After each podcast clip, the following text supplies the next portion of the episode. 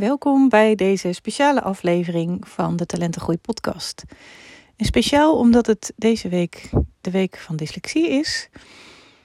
En ik dacht, uh, ik maak een korte serie van een aantal, nou ja, korte podcastafleveringen. Nou, dat moeten we altijd maar zien. Je weet het maar nooit met mij.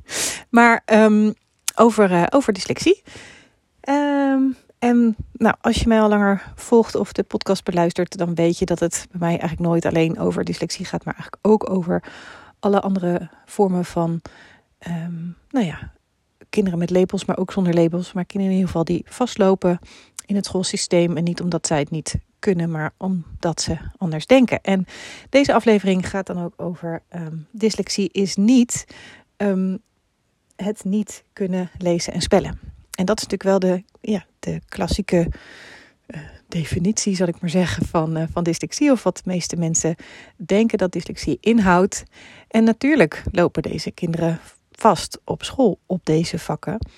Maar um, dat is een gevolg van hun manier van denken. En hun manier van denken is dus anders dan de manier waarop de meeste schoolmethodieken de dingen aanreiken. En dat botst en daardoor uh, lopen ze vast op die vlakken. En dan kan je je meteen ook voorstellen dat dat niet beperkt blijft tot dat lezen en spellen. Want een andere manier van denken, dat heeft ook invloed op alle op andere vakken. En hoe dat zit, is dat kort gezegd, ons brein bestaat uit twee hersenhelften, links en rechts. Uh, grofweg zit aan de linkerkant de taalkant, de, de logica, uh, de dingen stap voor stap doen, uh, volgens regeltjes, het analyseren. Nou, zoals je misschien zal, zal herkennen, zijn dat uh, veelal vaardigheden die gevraagd worden binnen nou ja, de schoolse vakken, zeg maar. En wordt kinderen ook op die manier de dingen aangeleerd. Terwijl er zijn dus heel veel kinderen die veel meer met hun rechter hersenhelft denken. En daar zit meer in het visuele, het beeldende, het gevoel, het praktische, het doen, de verbeeldingskracht, de fantasie, um, het associatieve denken. Dus niet stapje voor stapje van A naar B volgens een logisch, zogezegd pad. Maar nou ja, zij kunnen alle kanten op gaan. En dat maakt dat hun manier van denken dus niet aansluit bij hoe ze het moeten doen. Nou, en als dat niet lukt, dan gaan we op zoek. Hoe komt dat? Komt er vaak een onderzoek. En nou, daar komt dan misschien dyslexie uit. Um, maar het is dus veel breder dan dat deze kinderen moeite hebben met lezen en spellen.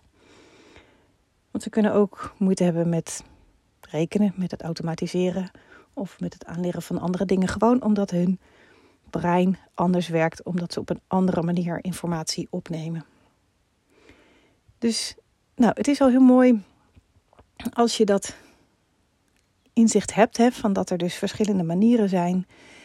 En nou ja, als er verschillende manieren van denken zijn en van leren, dan is het logisch dat er ook andere manieren van aanbieden of van verwerken van de lesstof zijn.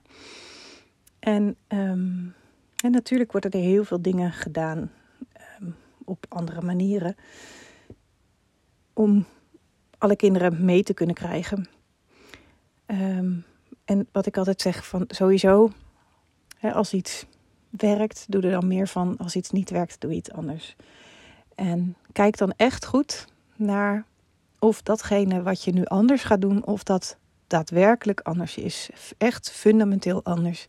En niet uh, toch eigenlijk weer volgens regels of volgens een bepaalde logica of door het uitleggen van structuren van woorden of zo, wat je vaak ook ziet in remedierende programma's. Hè, want in de basis is dat nog steeds uh, weer de stap voor stap of de regel manier. En dan heet het misschien anders of het heeft een ander kleurtje, een andere naam. Um, dus dan lijkt het in de oppervlakte lijkt het anders. Maar ja, in de basis is het nog steeds dezelfde manier.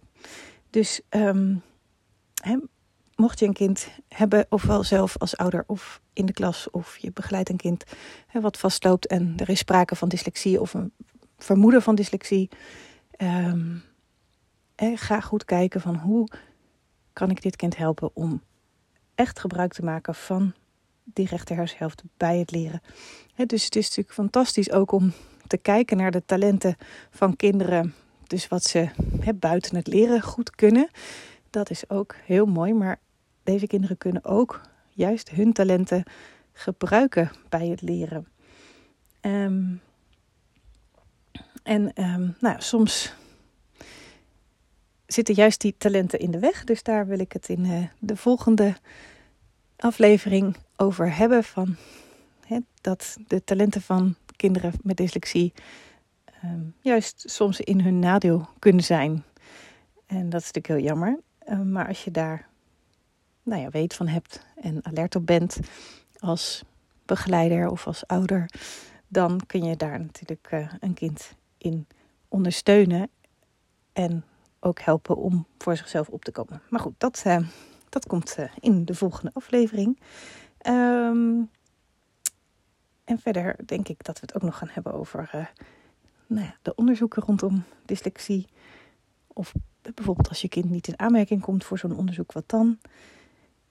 En um, nou, wat behulpzaam is voor leerkrachten om te weten over dyslexie. Daar valt heel veel over te vertellen, maar um, ik wil in ieder geval een kleine aanzet doen. Zodat nou ja, mensen door middel van een korte podcast toch een idee kunnen krijgen. En als ze meer willen weten omdat ze het interessant vinden of een nieuwe invalshoek is voor hen, dan kunnen ze natuurlijk uh, veel andere podcastafleveringen binnen de Talentengroei podcast ook luisteren. Want er is al meer langsgekomen bij de afleveringen ook um, door middel van gasten.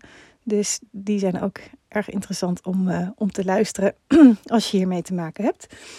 Dus um, nou, dat was het voor vandaag in deze korte speciale aflevering van de Talentengroei podcast in de week van dyslexie die in het teken staat van kijken voor beide lees-spellingproblemen.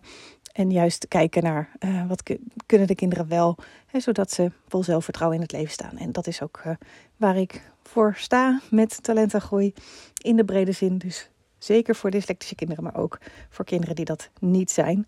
Maar uh, voor deze week eh, houden we het even daarbij. Dus um, nou, ik hoop dat je hier wat uit hebt kunnen halen. Mocht je iemand kennen waarvoor het interessant is, kun je natuurlijk altijd de aflevering doorsturen of hen attenderen op de Talentengroei podcast. Je kan heel makkelijk vanuit Spotify uh, een aflevering delen. Uh, ofwel door de link te kopiëren. Of, nou ja, er staan allerlei mogelijkheden, dat zie je vanzelf. Dus um, deel het naar iemand die je kent. Of um, op social media mag natuurlijk ook. Uh, als je mij tekst, dan kan ik uh, ook zien um, wie er heeft geluisterd. Dus dat is ook altijd leuk. En dan, uh, nou, dan kan ik je wellicht via die weg ook ontmoeten. Dus, nou, ik ga hem nu afsluiten. En dan spreek ik je gauw weer. Dag.